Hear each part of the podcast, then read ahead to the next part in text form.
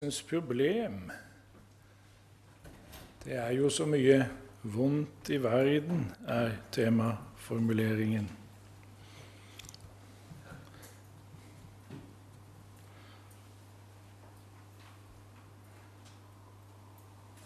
Samle du, Herre vår, hjerter og tanker i Kristus om evangeliet. Amen. I Jesu navn. Ja, Det er jo så mye vondt i verden. Hvordan kan vi tro på en Gud da som er både kjærlig og allmektig? Det er blitt sagt at det er det eneste teologiske problemet som opptar mannen i gata. Og det eneste teologiske problemet som ikke opptar teologene. Den påstanden er nok et eh, godt stykke unna sannheten, men den rører samtidig ved noe. Og det virker som djevelen bruker lidelsens problem til å føre mange mennesker bort fra Gud. Så er det sånn at den som har en kristen forankring, ikke så fort lar seg uroe tankemessig av problemet, men så sant vi er mennesker, så må da dette engasjere oss. Og dersom problemet blir personlig påtrengende, og det kan skje på så mange måter, så kan vi vel ikke skyve det fra oss. Nyhetsbildet er problemorientert. At mennesker sår og høster, bygger og planter, hjelper hverandre og lever i fred med hverandre, er knapt nyheter. Men direkte rapporter om krig og naturkatastrofer setter seg på netthinner og presser på sinn og tanke. At mange blir friske etter sykdom og mange beholder god helse i høy alder, blir lett overskygget om noen som står en nær, går bort i sine beste år eller i ung alder. Et sårt hvorfor kan melde seg på mangfoldige måter så som når vi leser om blodig forfølgelse av kristne ute i verden, og vi kan lett bli opprørte. Det er en disharmoni i tilværet som ikke lar seg bortforklare, og den kan skjære i hjertet. Og Så kommer det kan hende ateister og sier at det er umulig at Gud er både kjærlig og allmektig når det er så mye vondt i verden. Den Gud de kristne tror på, kan ganske enkelt ikke eksistere. La oss da for det første være klar over at når vantro mennesker tenker slik, så har de et filosofisk gudsbegrep. Og det mener jeg slett ikke positivt. Jeg tror at en troende og en vantro ofte snakker forbi hverandre fordi den ene har et bibelsk gudsbegrep, og den andre et filosofisk, dvs. Si et spekulativt gudsbegrep. Det vil si at den troende tenker ut fra det Gud har åpenbart i Bibelen. Den vantro spekulerer ut fra sin fornuft. At Gud er til, er for ateisten et tankeeksperiment, hvis det nå er en Gud. Og ettersom Gud er kjærlig og allmektig, for det sier jo de kristne, så må det ifølge ateistens fornuft bety at han vil bruke sin allmakt til å holde det vonde borte fra verden. Men en Gud som gjør det, finnes ikke. Kortslutningen, for det er en kortslutning, ligger i at ateisten tror at vi med vår fornuft skjønner hva Guds kjærlighet og Guds allmakt betyr. Men det gjør vi ikke. Derfor må vi begynne med å erkjenne at vi av sjøl er uvitende, og så la våre tanker fylles med og formes av det som Bibelen lærer oss. Et filosofisk gudsbegrep bygger på fornuften og på spekulasjon.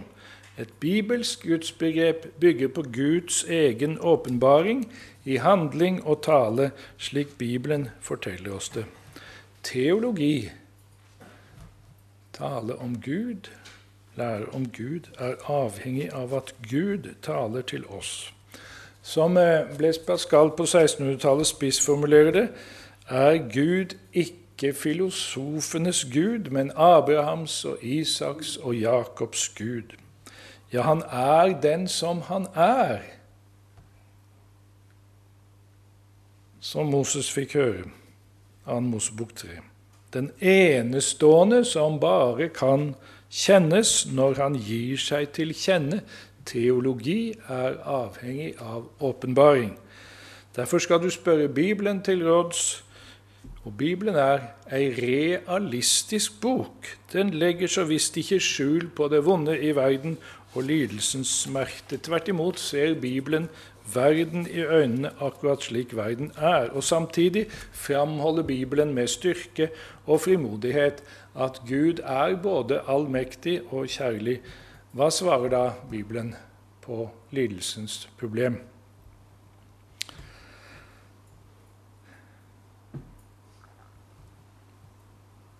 Det første jeg vil si, er at lidelsens hvorfor lar seg prinsipielt og generelt besvare i troens lys, dvs. Si ut fra Guds ord. Dette er kanskje en radikal påstand i dag. Jeg hevder altså at lidelsens hvorfor prinsipielt og generelt lar seg besvare i troens lys, dvs. Si ut fra Guds ord. Jeg er djupt uenig med dem som mener at problemet med det vonde er uløselig. Det er bare for den blinde fornuften og filosofen at det er uløselig. Vi må skille mellom de tre lys til erkjennelse. Fornuftens lys, ordets lys og herlighetens lys. Fornuften registrerer problemet, men ser ikke løsningen. Men i Guds ords lys tilrettelegges problemet, og vi forstår årsaken. Vi får helt grunnleggende svar, men det betyr ikke at vi kan svare på alle spørsmål. Hvilken hensikt Gud i alle enkeltheter har med å la det eller det ramme den eller den, kan vi ikke vente å forstå før i oppstandelsen, i herlighetens lys.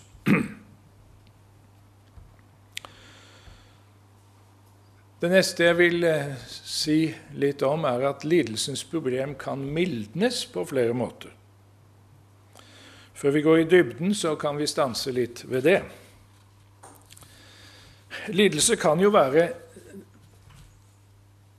å forklares som direkte straff for synd.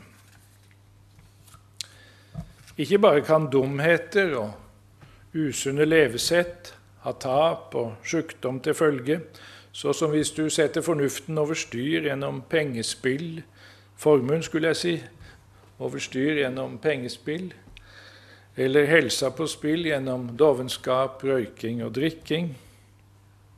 Og det kan være mer eller mindre åpenbart for alle at lidelsen er sjølforskyldt. Men Bibelen har jo flere vitnesbyrd om at Gud griper direkte inn og straffer konkrete synder. Tenk på Israels historie, hvordan Gud grep inn med straffedommer pga. folkets ulydighet. Og Med sånne straffedommer hadde Gud den hensikten at folket skulle vende om.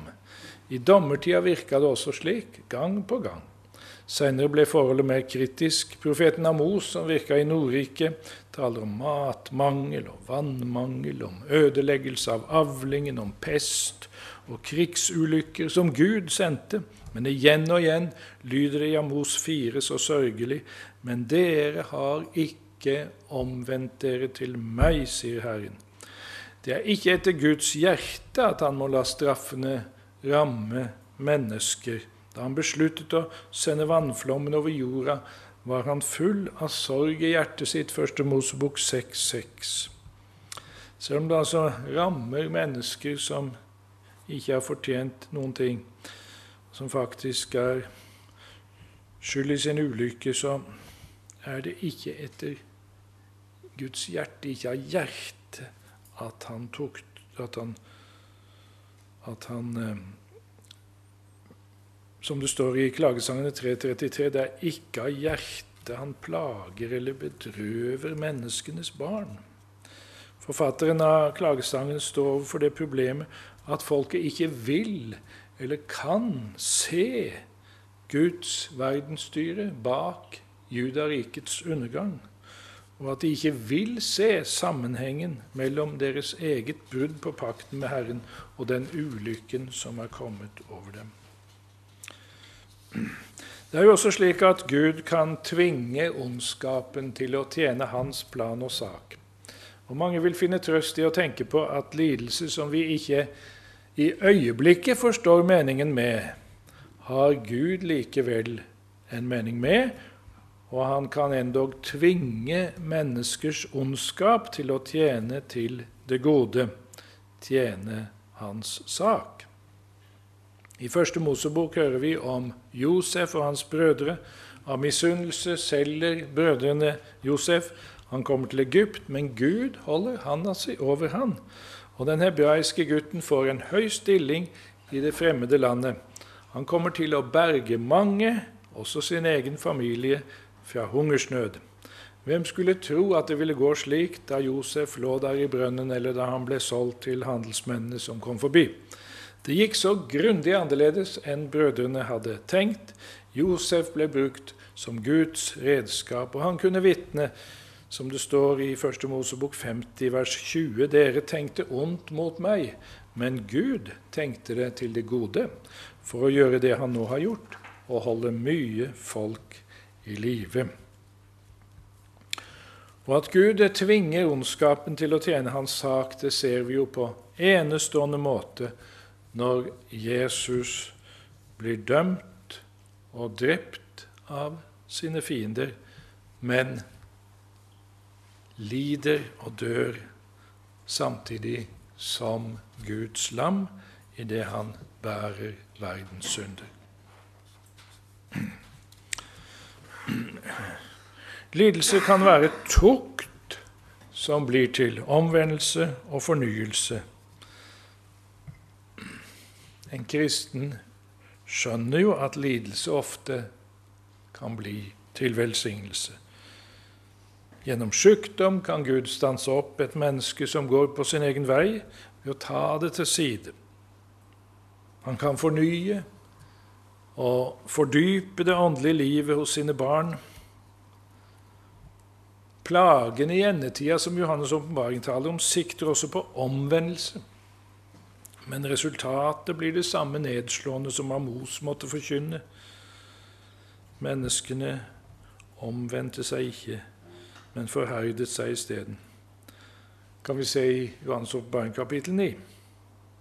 Likevel så må det vel være rett å si at historien har tallrike, tallrike eksempler på at eh, harde midler som Gud har tatt i bruk, har ført til åndelig fornyelse for nasjoner, til omvendelse for enkeltmennesker, etter Judarikets undergang ser vi at de store religiøse ledere bøyer seg i syndserkjennelse og bekjenner sin egen del av folkeskylden.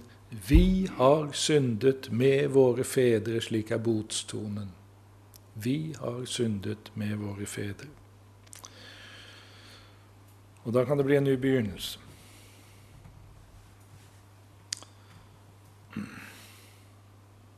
Da har vi eh, hatt noen sånn forpostfektninger her. Og så kommer vi tilbake til utgangspunktet. Hvordan kan Gud være både allmektig og kjærlig når det er så mye vondt i verden? Én ting er jo å mildne lidelsens problem, en annen ting er å løse det. La oss ordne tankene våre. For det første så gjør vi en enkel inndeling av det vonde i det moralsk onde og det fysisk vonde. Altså på den ene side synden, og på den andre side lidelse som rammer utenfra. Den ugudelige ser ingen sammenheng her, bortsett fra de ødeleggende virkninger av menneskers onde handlinger. Som tydelige eksempler kan vi nevne en tyranns ondskap eller en overgripers ondskap. Men Bibelen lærer oss at all nød og lidelse er kommet inn i verden som en følge av syndefallet. Guds allmakt betyr altså ikke at han er uten motstand. Det betyr ikke at hans vilje alltid skjer. Det finnes en vilje og en makt i verden som står Guds vilje og makt imot. og Derfor måtte Adam og Eva ut av Edens hage. Derfor måtte verden gå under i vannflommen på Noas tid. Og Derfor kommer det også en verdens ende. Men den blir til undergang og evig fortapelse for de ugudelige. Når da Gud venter med å gripe inn, så viser han sin langmodighet. Hvordan kan Gud være både allmektig og kjærlig når det er så mye vondt i verden? Vi kan komme helt galt av sted og havne i ateisme dersom vi vil tolke Guds allmakt og Hans kjærlighet løsrevet fra Bibelens budskap. Bibelen advarer mot gudebilder. Herren sa til Moses, 'Jeg er den som jeg er'. Det er umulig å tre sine småskårne teorier ned over Abrahams og Isaks og Jakobs Gud. Men han har gitt oss sitt eget bilde, Jesus Kristus. Guds makt er ikke enerådende i verden, men han har makt til å sette alle ting i stand. Og i den nye verden vil han ha oss med som sine barn og sitt folk, for han elsker oss, og hans kjærlighet er medlidende. Han lider med den skapte og falne menneskeslekt. Han elsker oss slik at han gav sin enbårne sønn i døden til soning for våre synder, for at hver den som tror på han ikke skal gå fortapt, men ha evig liv. Han ga sin sønn i døden til soning for våre synder. Jesu lidelse og død er krysningspunktet mellom ondskapens innbilte seier og kjærlighetens gjenopprettende makt. På korset ser du den sanne Gud og det evige liv. Vi kan ikke tale om Guds kjærlighet og makt uten å legge i disse begrepene det som Bibelen legger i dem. De må fylles med bibelsk innhold. Hvis en løsriver dem fra Bibelens budskap, kan en naturligvis komme til at Gud hører hjemme i fantasiens verden, men da er det et spekulativt gudsbegrep og et gudsbilde i ens egen fantasi som en går ut ifra. Hvorfor er det så mye vondt i verden når Gud er god? Vi har i grunnen svart på det, men nå samler vi oss om tre hovedtanker som vi skal væpne oss med mot tvil og vantro. Her er tre holdepunkter som du skal væpne deg med for hode og hjerte. For det første Vår synd er årsaken til lidelsen. Bibelen er ei realistisk bok, sa jeg, som ser verden i øynene akkurat slik den er. Og beretningen om syndefallet er Det gamle testamentets grunnleggende svar på hvorfor her er lidelse og død på jord. Som Luther sier, så lærer Første Mosebok hvordan alle skapninger er blitt skapt, og hvor døden og synden er kommet over oss fra, nemlig ved Adams fall og djevelens ondskap. Eva ble dåret av djevelens list, og Adam ble overfalt, overtalt av Eva til å bryte Guds bud. Da kom dommen, og vi leser fra 1. Mosebok 3, fra vers 14 og utover. Da sa Herren Gud til slangen, fordi du gjorde dette, skal du være forbannet blant alt fe og blant alle dyr på marken. På din buk skal du krype, og støv skal du ete all ditt livs dager, og jeg vil sette fiendskap mellom deg og kvinnen, og mellom din ett og hennes ett. Den skal knuse ditt hode, men du skal knuse dens hæl. Til kvinnen sa han, jeg vil gjøre din møye stor i ditt svangerskap, med smerte skal du føde dine barn, og til din mann skal din atter stå, og han skal råde over deg. Og til Adam sa han, fordi du lød din hustrus røst og åt av treet som jeg forbød deg å ete, skal jorden være forbannet for din skyld. Med møye skal du nære deg av den alle ditt livs dager. Torner og tistler skal den bære deg, og du skal ete urtene på marken. I ditt ansikts sved skal du ete ditt brød, inntil du vender tilbake til jorden. For av den er du tatt, for støv er du, og til støv skal du vende tilbake. Menneskenes kår ble altså grunnleggende forandret pga. syndefallet. Fordi du lød din hustru og åt av det tre som jeg forbød deg å ete, sa Gud. Møyen i svangerskapet, smerten i barnefødsel, det strevsomme arbeidet for å livberge seg, alt tilskrives altså Adams og Evas fall. Syndens følge griper like inn på menneskelivets sentrale felter og gjør tilværet til det utrygge som det ble i og med at menneskelivet ble henvist til å gå sin gang utenfor Edens hage. Døden kom inn i vår tilværelse. Adgangen til livstre ble avskåret. Det ble menneskets lodd å dø. Menneskeslekten ble syndig, og på synden følger døden som syndens konsekvens. Og vi har fortjent det som verre er. Mot den evige fortapelse som vi har fortjent, blekner all lidelse her i tida. Den blekner mot det å være redningsløst fortapt, utestengt fra samfunnet med Gud. Og hvordan kan Gud tillate det? Jo, fordi han er en fortærende ild som reagerer på synd. Han kan ikke la være det, men han vil at alle mennesker skal bli frelst og unngå å bli kastet i den evige ild, som er bestemt for djevelen og hans engler. Den som tenker over at vi har fortjent den evige fortapelse, skjønner at det er ikke Gud som er den problematiske. Det er jeg som er problemet. Jeg som er en synder. Det er veldig viktig at mennesker som spør om årsaken til alt det vonde i verden, får se dette. De som anklager Gud, må sjøl på anklagebenken når lidelsens problem skjerpes til det aller ytterste, når spørsmålet reises hvordan Gud kan tillate den evige fortapelse, ligger svaret like for handa.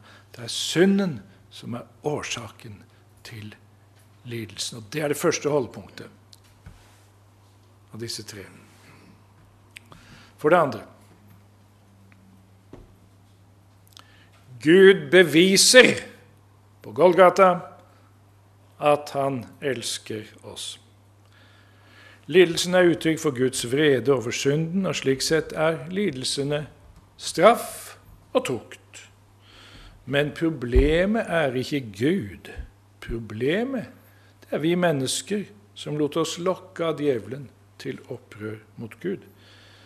Det må være rett å si at dette var en katastrofe, ikke bare for menneskeslekten, men også for Gud. Det er utenkelig å tale sånn hvis vi har et bilde av Gud som et ubevegelig vesen som ingenting virker inn på, et uforstyrrelig prinsipp uten kontakt med den verden som han har skapt. Men Gud elsker oss. Han er kjærlighet. Det skjærer han i hjertet at noen går fortapt. Og at Gud er kjærlighet, har han ugjendrivelig bevist ved å gi sin sønn i døden for syndene våre. Om det skulle svartne sånn for deg at du ikke syns du ser Guds kjærlighet noe annet sted, så løft blikket til korset på Golgata. Er Gud virkelig slik? Lider han med den syndige menneskeslekten? Lar han sin egen evige sønn ta straffen ja, da kan jeg vel ikke være bitter på han. Da kan jeg vel ikke bli opprørt på han. Da må jeg elske han som elsker meg så høyt. Gud viser sin kjærlighet mot oss derved at Kristus døde for oss mens vi ennå var syndere, skriver Paulus i Romerne 5,8. Der har vi et, skal vi si, et sentralbevis og et ugjendrivelig bevis. Romerne 5,8.: Gud viser sin kjærlighet mot oss derved at Kristus døde for oss mens vi ennå var syndere. Hold fast på det. Gud beviser altså på Golgata at han elsker oss. Det var det andre av de tre holdepunktene.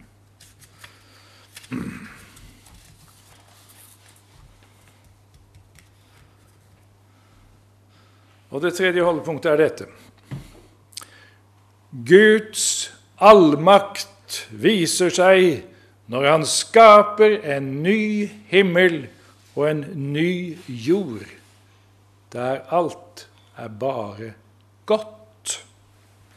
Selv om han på mange måter griper inn og vender det onde til noe godt i denne gamle verden, så er ikke hans egentlige løsning å lappe på denne gamle, dødsmerkede verden som vi vandrer i her nede. Nei, han gjør alle ting nye for alle som lar seg frelse. Sjøl om synden har trengt inn, og syndens følger gjennomtrenger verden i form av mange slags lidelse, så har ikke Gud gitt opp sin plan med skaperverket. Himmel og jord, som viker bort for Guds åsyn på dommedag, skal bli nyskapt. Det er som om de står opp fra de døde. Menneskets fall ifra Gud brakte forbannelse og disharmoni inn i naturen. På tilsvarende måte følges nyskapelsen av mennesker i Kristus Jesus av en nyskapelse av himmel og jord. Verden blir født på ny. Som det egentlig er tale om i Matteus 28, gjenfødelsen i verdensgjenfødelsen. Og Jesu apostel skal sitte på tolv troner og dømme Israels tolv stammer. Når verden blir født på ny. Vi ser fram mot at skapningen skal bli frigjort fra trelldommen under forgjengeligheten og nå fram til Guds barns frihet i herligheten, Romerne 8, 21. Gud skal bo midt iblant sitt folk på en langt mer fattbar måte enn han gjør i dag, og dermed vil livet være fylt av velsignelse. Syndens følger skal være borte. Ingen død, ingen sorg, ikke noe skrik og ingen pine skal få skape disharmoni i den lykkelige, fredfylte tilværelsen. Vi ber om at Guds vilje må skje, som i himmelen, så også på jorda. Ennå er vi ikke der, men det kommer, dere. Det kommer, og vi må være rede til å gå inn til den evige glede. Skal vi bli fridd fra nød og lidelse en gang, må vi først og fremst bli fridd fra synden. Og så lenge vi er i denne verden, må vi regne med å bære vår del av slektens lidelse.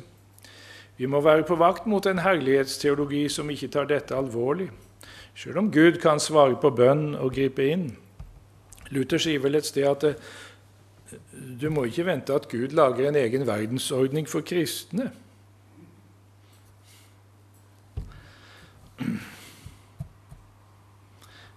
Jeg nevnte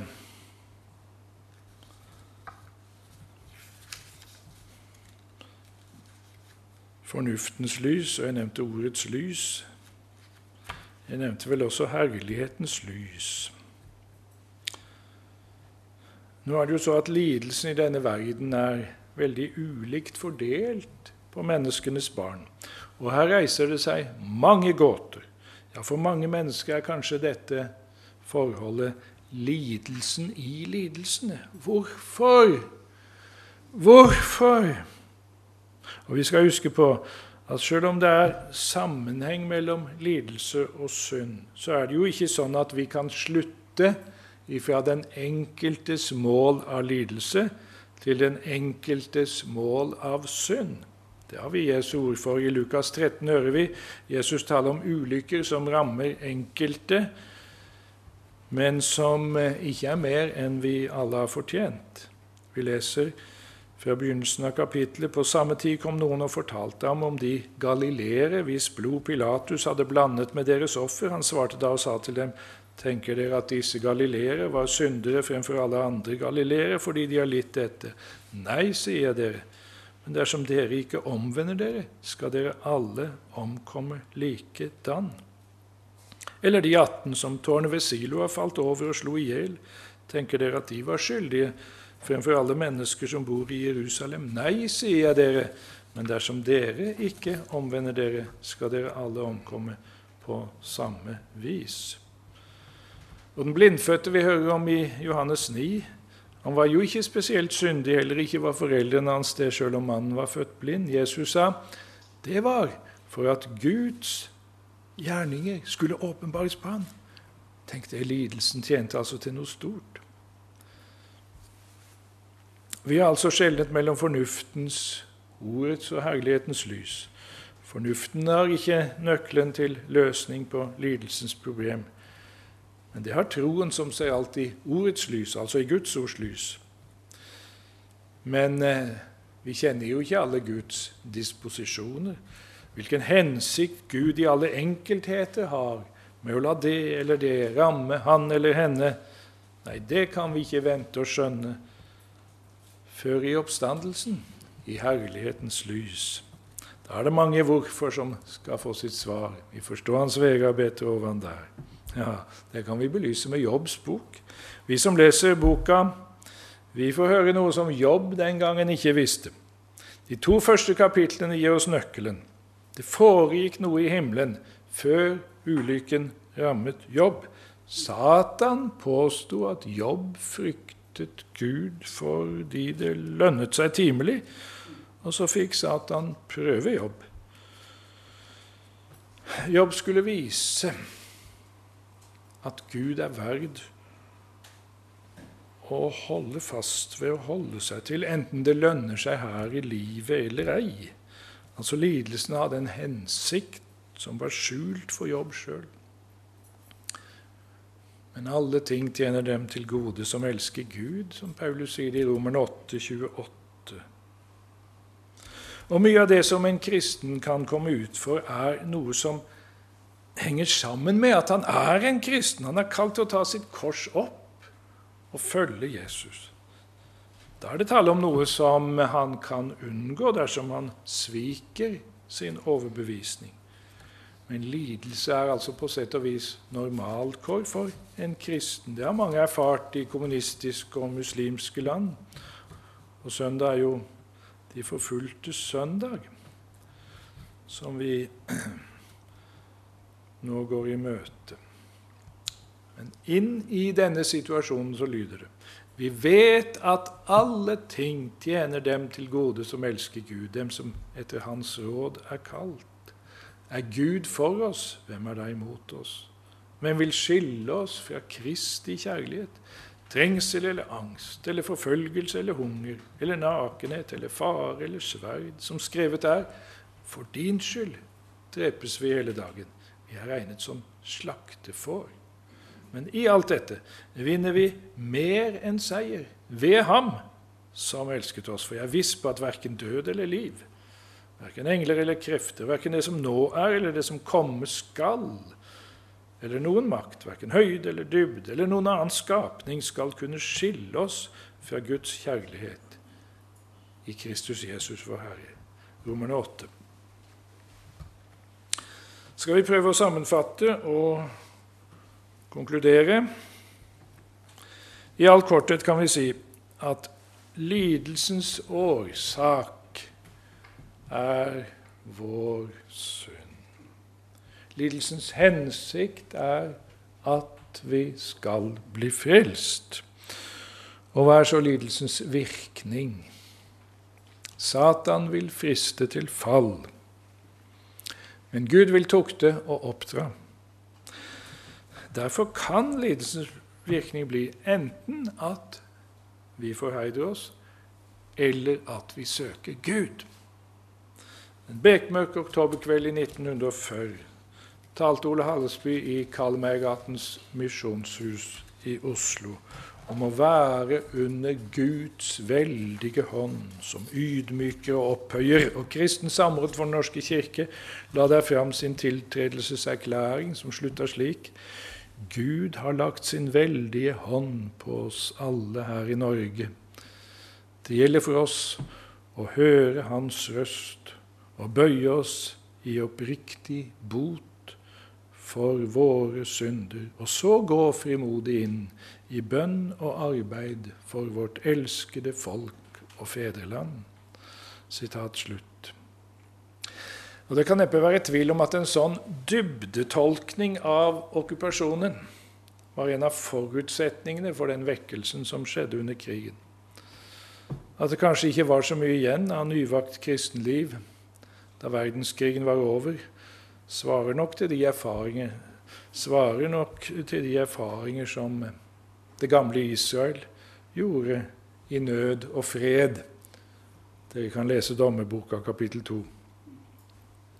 Reformatorene Luther og Melanchthon har mye å si. Også luthersk teologi vil være en praktisk teologi. Nøden skal lære oss at vi er syndere som ikke har fortjent noe godt men ber om å få alt av nåde, som Luther sier i forklaringen til Fader vår. Og Philip Melanchthon sier at korsteologien lærer Korsteologien lærer oss at Gud ikke har gått fra oss når det som mest synes som om han har gjort det. Både Luther og Melanchthon ser på lidelse som et middel som Gud bruker i opptuktelsen av sine barn i verden. Men mens Luther framhever at kristne lider for Kristi skyld, så synes Melanchthon å være mer opptatt av at all nød og trengsel rammer menneskene for deres synders skyld. Prøvelser kommer fra Gud for at vi skal gjøre bot og bli frelst. Og vi bør bære lidelsen tålmodig i erkjennelse av at vi har fortjent det. At vi har fortjent lidelsen. Altså. Og vi må be Gud lede oss gjennom lidelsen, eller fri oss fra den, sier Melanchthon.